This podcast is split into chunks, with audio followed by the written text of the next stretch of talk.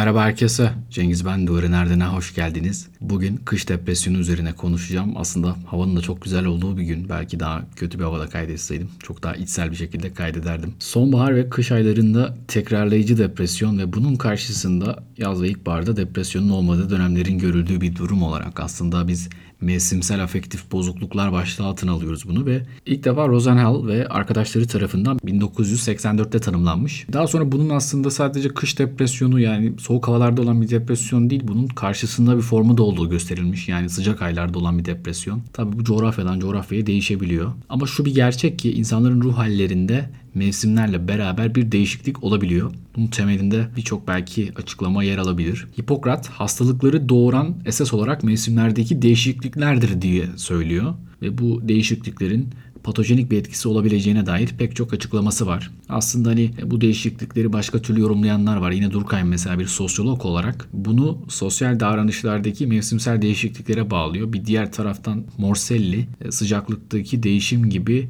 meteorolojik açıklamalar getiriyor bu duruma. E aslında bu iş öyle bir şey ki kış depresyonu bazen o kadar ağır geçiriliyor ki bazı insanlar tarafından. Bu Rosenhall'ın tanımladığı zamanlarda bir grup insan bu kış depresyonu çok ağır geçiren insanlar bunun bir kış uykusu gibi kabul edilmesi gerektiğini söylemişler ve kendilerine bu yönde bir destek beklemişler. Yani o denli içselleştirmişler durumu. Biz çalışmak istemiyoruz. Bu mevsimlerde elimizden bir iş gelmiyor. Gelin bize izin verin der gibi. Leo Sher diye bir adam var. Bu açık bir şekilde ruh halindeki ve davranıştaki mevsimsel değişikliklerin kökeninin genetik olduğunu söylüyor ve ama bunda bir takım dezavantajlar yarattığını yine ileri sürmüştü. Bu değişiklikler için geriye dönüp baktığımızda insanın yaklaşık 150 bin yıl önce göç etmeye başladığı Ekvator Afrika'sında bu durumun geliştiğini ve insanın daha ılıman enlemlerde ikamet etmesinden bu yana daha fazla anlamlı evrimsel değişimin gerçekleşmesine izin vermek için henüz yeterli zaman geçmediğini düşünüyor. Aslında biz şu zamanlar için yorum yapmış olsak da belki de evrimin içinde bir yerde hala çok da fazla bir zaman geçmiş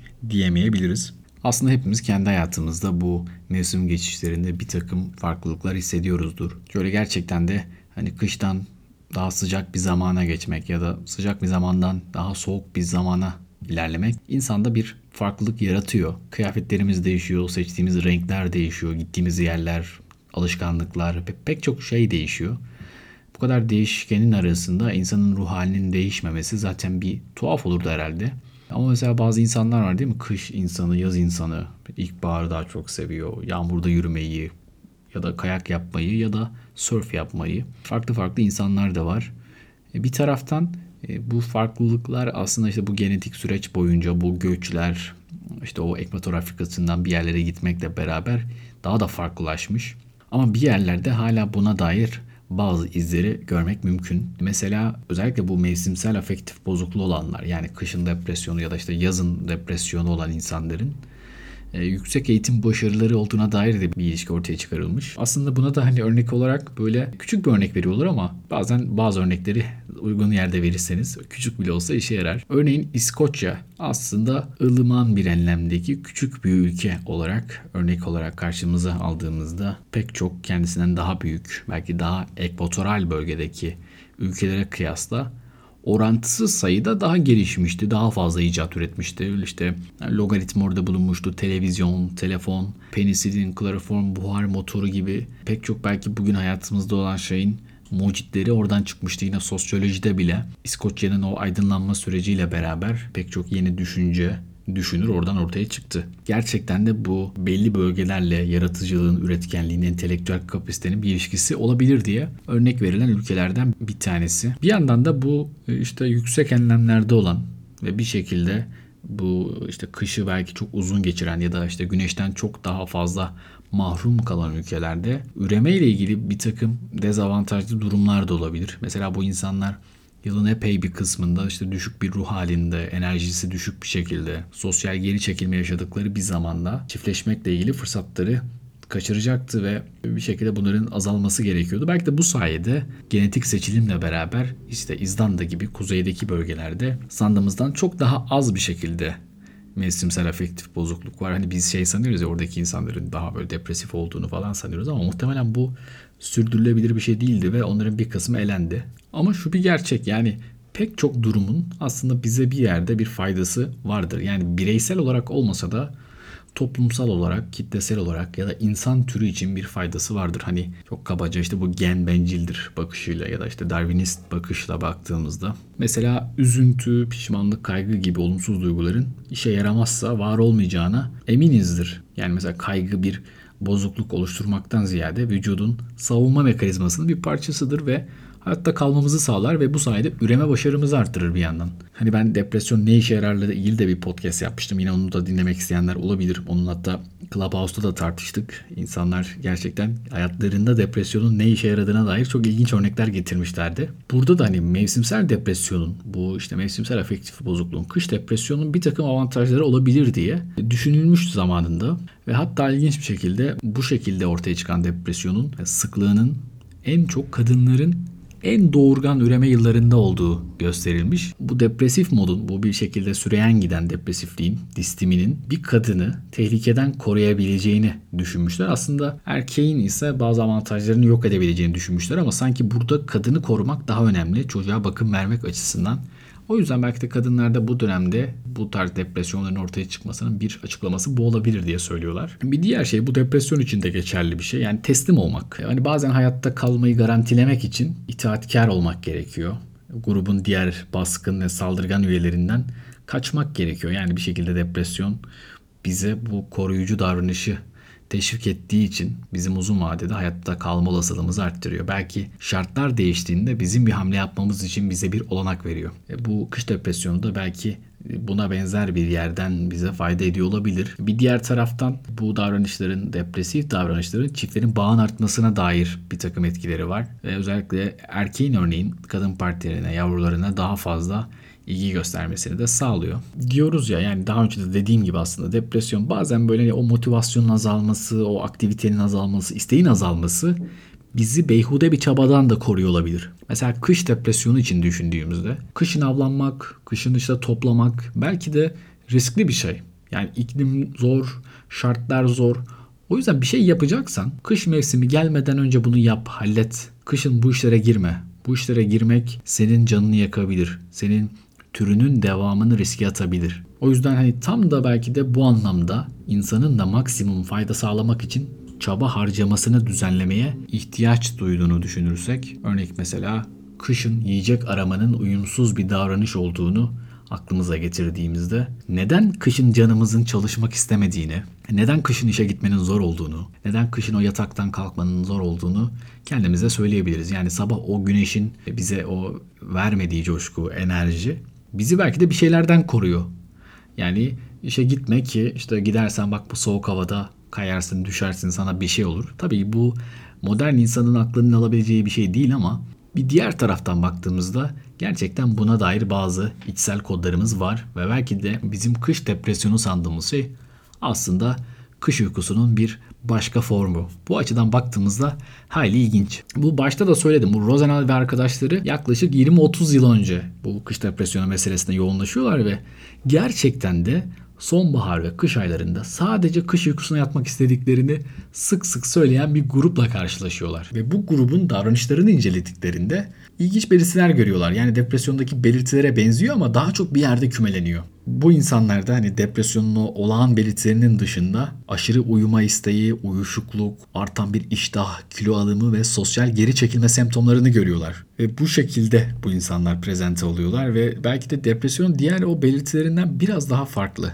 Aslında bunu daha da detaylı incelediklerinde, daha da yakından baktıklarında karşılarında şöyle bir şey çıkıyor. Bazı insanlarda ortaya çıkan bu belirtiler tam olarak memelilerin kış uykusuna benziyor. Yani biz aslında kışın derin bir uykuya mı yatmak istiyoruz? Özellikle hani Stevens ve Price'ın da yaptığı bazı çalışmalar var. Onlar memelilerin arasındaki o yüksek enerji gereksinimlerini göz önünde bulundurarak bunun işte o uyku bağlamında bir şekilde tartışıyorlar ve e, enerji tasarrufuna yönelik bir takım uyarlanabilir avantajlar için belki de bunları geliştirdiğimizi düşünüyorlar. Daha çok kilo alalım, daha çok yemek yiyelim, hiç hareket etmeyelim, hep uyuyalım. Böylece Diğer zamanlarda enerji harcamamız gerekmez. Zaten çok da yemek yedim. Bunlar beni bir süre götürür. Belki de bu depresyon sandığımız şey içsel bir adaptasyondan başka bir şey değil. Bu kış depresyonu tabii ki hani bu tarz avantajları var. Çünkü amaç ne? Türün devamını sağlamak, korumak. Bir yandan da bu üreme zamanlaması için de bize bir avantaj sağlıyor olabilir. Çünkü bir çocuğun kışın doğması herkes için büyük risk. Yani ona bakım vermek daha zordur. Onun hayatta kalması daha zordur. Çünkü biraz insan da zaten diğer canlılardan farklı. Gerçekten bağımlı. Anneye babaya bağımlı. Tek başına hayatta kalması çok zor bir canlıyız. Hani bu yüzden de kış sonu ile yaz başı arasında bir doğum olasılığını arttırma çabası içerisindeyiz. Bu bize bir avantaj sağlayabilir. Bunu nasıl yapabiliriz? İnsanlarda 9 aylık gebelik dönemi göz önüne alındığında Şubat ve Haziran ayları arasında doğmuş olmak Mayıs ve Eylül ayları arasında hamile kalmayı gerektirecektir. Yani aslında baktığımızda bu kış depresyonu bunun olma olasılığını en çok arttıran şeylerden bir tanesi. Bu uzun zaman öncesinde çalışılan bir şey. Bu foto periyotları memelerin doğurganlığını etkilemiştir. Ve hatta bunu çiftçiler çok daha iyi bilir. Ne zaman daha doğurgan olacağının, işte hayvanların ne zaman daha doğurduklarının yaşayacağına dair pek çok ellerinde veri vardır. Modern insanın işte tıbbın gelişmesi, enerji ihtiyaçlarının daha iyi karşılanmasıyla beraber o mevsimsel farklılıklar biraz daha geriye atılmış durumda ama acaba bu insanların kışın depresyona yatkın olması belki de insanların işte hem üremelerini garanti altına alan bir şey hem de daha az enerji harcamalarını sağlayan bir şey olabilir mi diye tartışmışlar hep. Hatta yani kışın ürememek için bir şekilde işte bu az önce de söylediğim bir grup insanda libido da düşüyor. Hatta kadınlarda iş daha da ileri gidiyor. Adet düzensizliği çok ortaya çıkıyor. İyice artık hani o e, yumurtayla spermin bir araya gelmesi için birçok engel ortaya çıkıyor ve hani kışın üremeyelim diye neredeyse her şey yapılmış. Tabii bir diğer taraftan baktığımız zaman aslında her yeni mevsim bir önceki mevsime veda. Yani birçok evrimsel açıklamanın yanında bazen bir şeye veda etmek de bir hüzün yaratıyor. Bir veda hüznü belki de. Hatta kısa süreli bir yaz bile diyebiliriz. Ama hani bir zaman sonra buna bir adaptasyon sağlıyoruz. Belki de hani her mevsim e, hangi mevsimin içindeysek bir yerden sonra sanki bizim asıl mevsimimiz o mevsimmiş gibi geliyor. Bir sonraki mevsim bizi korkutuyor bir yandan. E, ben en azından öyle düşünüyorum. Bir yandan ama güneşi seviyorum. Mesela güneşli havaları seviyorum. Özellikle ışığı seviyorum. Mesela odamda perde çok bulundurmuyorum ya da böyle kalın perde bulundurmuyorum. Sadece tül perde oluyor. Çünkü güneşin odaya girmesiyle uyanmayı seviyorum. E, güneşin bir şekilde e, bana dokunması, onu görmek bana enerji veriyor. Bu gerçekten de kış depresyonu içinde üzerinde çalışılan mekanizmalardan bir tanesi. Kış depresyonunun en önemli sebebi olarak ışığın azalması öne çıkarılmış. Yani havanın soğuması değil, ışığın azalması. Yaz depresyonu içinse de en öne çıkan şey ışığın artması değil sıcaklığın artması. İkisinin arasında böyle bir fark var. Ee, bir diğer şey belki de yaz depresyonu için yaz depresyonun intihar riski daha yüksek. Hani kışın depresyon belki daha çok olur diye biliyoruz ama yazın ki depresyon daha böyle insanı irite eden, daha böyle can sıkıntısı veren bir şey ve hani kışın adam o kadar halsiz ki intihar edecek bir enerjisi bile yok. Yani kış depresyondakilerin. Ama yaz depresyondaki insanların enerjisinde çok bir düşüklük yok. Onlar böyle zaten bunalmış, daha çok anksiyetesi olan insanlar ve onlarda intihar daha sık görülüyor. Özellikle 20'li yaşların başına doğru böyle geç ergenlikte buna benzer şeyler çok oluyormuş. Hatta bu üniversiteye başlayan gençler için çok büyük bir tehlike olduğu söyleniyor. Onlar zaten hem başka bir coğrafyaya gidebiliyorlar, hem yalnız kalabiliyorlar, hem de bu yaşlar o mevsimsel geçişlere en duyarlı olan yaşlar. Çünkü az önce de bahsettiğim gibi üremeyle ilgili o en zirve dönem mevsimsel depresyonlara en yatkın olduğumuz dönem. Hani aklınızda bulunsun çevrenizde yine böyle insanlar varsa o geçiş döneminin e, sancılı olabileceğini hatırlamak lazım. Peki ne yapılabilir? Yani sıradan bir depresyon gibi ele alıp tedavi edebilirsiniz. Daha farklı bir depresyonmuş gibi de bu durumu ele alabilirsiniz. Ee, mesela her depresyon aynı değil. Hatta yani onunla da ilgili podcast yapmıştım belki dinleyenler olmuştur. Herkes aynı depresyonda mı? Yani bunun adı depresyon ama herkesin depresyonu farklı. E, mesela bu mevsimsel depresyon olan insanların gerçekten neyden rahatsız olduğunu fark etmemiz lazım. İşte diyelim ki kıştan rahatsız oluyorlarsa, kış depresyonundan muzdariplerse hani öyle bir doğrudan tanı yok ama biz öyle yorumladık. O zaman iş ışığı arttırmaya yönelik bazı önlemleri almak. E, bununla da ilgili bazı trik noktalar var. İnsanların özellikle sabah uyandıkları zaman gözlerin genellikle ışığa en duyarlı olduğu zamanmış. Özellikle bu saatlerde belki kısa bir yürüyüş yapmak tabii zor. Enerjisi az olan bir insan nasıl bu havada yürüyecek ya da bu soğukta nasıl yürüyecek diyorsunuz ama bir şekilde güneşle o teması kurmak çok fayda eden bir şey. Tabii bunun üzerine bir endüstri de gelişmiş durumda. İşte bu bir takım yapay ışıklar ama doğal ışığı taklit ediyor, güneş ışığını taklit ediyor gibi. Bazı insanlar hatta iş yerlerine bunu götürüyorlarmış. Böyle çalışırken masadan ona sürekli bir ışık geliyor. Tabii yine akla insanın damgalama ile ilgili meseleler geliyor. Yani düşünsenize iş yerine ışık götürüyorsunuz, sürekli ışığın altındasınız. Hele Türkiye'yi düşünün bir de. Abi bu ışık neymiş ya bu ne ışığıymış masa lambası mıymış nereden aldın bunu falan derler. Ya bu benim depresyonum için deseniz kimse size şey yapmaz yani herhalde dalga geçer abi böyle bir tedavim olur diye. Ama ışığın herhalde çok önemli olduğunu hatırlatmak lazım. Ben mesela bir zaman buna çok takmıştım bu ışıktan faydalanma işine. Diyelim ki bir odanız var ve etrafta işte çok fazla sokak lambası var, çok fazla ışık var ve siz bu ışıktan rahatsız oluyorsunuz. Ve kalın bir perdeniz var. Gece onu kapatıp uyuyorsunuz, sabah uyanıyorsunuz. Daha doğrusu sabah uyanamıyorsunuz. Çünkü her yer karanlık. Gece o kalın perdeden dolayı sabah da etraf karanlık. Ben şöyle demiştim ya ya gece ışıkta uyumayı öğreneceğim ya da sabah karanlıkta kalkmayı öğreneceğim. Hangisi benim için daha zor falan diye düşünüyordum. Sonra şöyle bir şey araştırdım. Bir zamanlar böyle bazı işte böyle marka perdecileri gittim, telefon aradım. Ee, bazı perdelerin böyle motorları var ve böyle onlara böyle saat kurabiliyorsunuz. İşte kaçta uyanmak istiyorsan ya da güneş kaçta doğuyorsa ona yönelik bir saat ayarlayacaktım ve o saatte o kalın perde açılacaktı. Ben de işte güneşle uyanacaktım. Ama tabii öğrencilik zamanları çok pahalıydı o perdeler. Alabileceğim bir miktar değildi. Ben de ondan vazgeçmiştim. Sonra e, bir tane lamba almıştım. E, o lambanın da böyle pahalıları falan var. Ben böyle biraz ucuzundan almıştım. Alarm kuruyorsun. Belli bir saatte uyandırıyor seni işte. Hatta radyolu falan da uyandırıyor. Işık da pek bir ışığa benzemiyor aslında ama hani bir zamanlar bu özellikle TUS hazırlanırken, sınav hazırlanırken uyanmak daha da önemliydi benim için. O zamanlar bunu kullanıyordum. Gerçi uyanmak için başka trikler de var. Hani benim yaptığım birçok trik var aslında. Hani kış depresyonunda bu anlatmak saçma olur ama ben böyle e, sevmediğim belki de çok ana akım böyle radyocular vardı.